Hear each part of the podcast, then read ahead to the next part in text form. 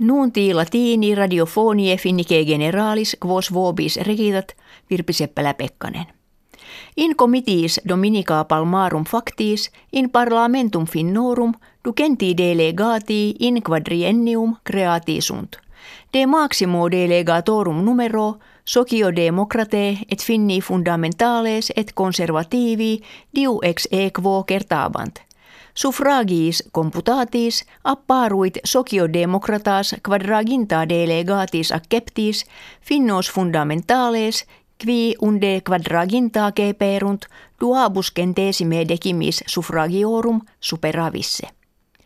Tertium locum keperunt conservativi quos sequuntur factio centralis prasini federatio sinistra factio popularis svetica Democrate Christiani keterique minores. Maximum cladem accepit factio centralis, kve cum in priore parlamento unde quinquaginta delegatos habuisset, in novo tantum unum et triginta habebit. Eventus comitiorum ostendit campum politicum infinia mutatum esse. Jam non sunt tres factiones ceteri superiores, sed tres vel etiam quinque ad modum magne factiones et multe minores. Partes centesime suffragiorum et sociodemocratis et finnis fundamentalibus et conservativis date sunt prope equales. Apud finnos mos est ut comitiis parlamentaris factis preses maxime factionis regimen componere conetur. Quod munus nunc pertinet ad presidem sociodemocratarum quiest antirinne. At ille sicut et preses conservativorum Petteri Orpo ante comitia dixit secum finnis fundamentalibus et preside eorum Jussi Hallaaho vix cooperari posse. In novum parlamentum plures femine create sunt quam umquam ante. Numerus earum est quattuor et nonaginta, que sunt quadraginta septem centesime.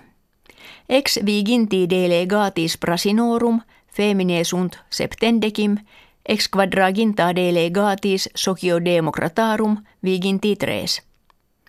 Inter feminas creatas preses federationis sinistre Li Andersson viginti quattuor milibus suffragiorum excellit. Dominica Palmarum in stadio Esboensi certamen finale ludorum mundanorum hokei glacialis feminarum inter USA et Finniam factum est cum femine finnie retibus duo ad unum superiores facte essent, arbitri regens rete illarum rejegerunt.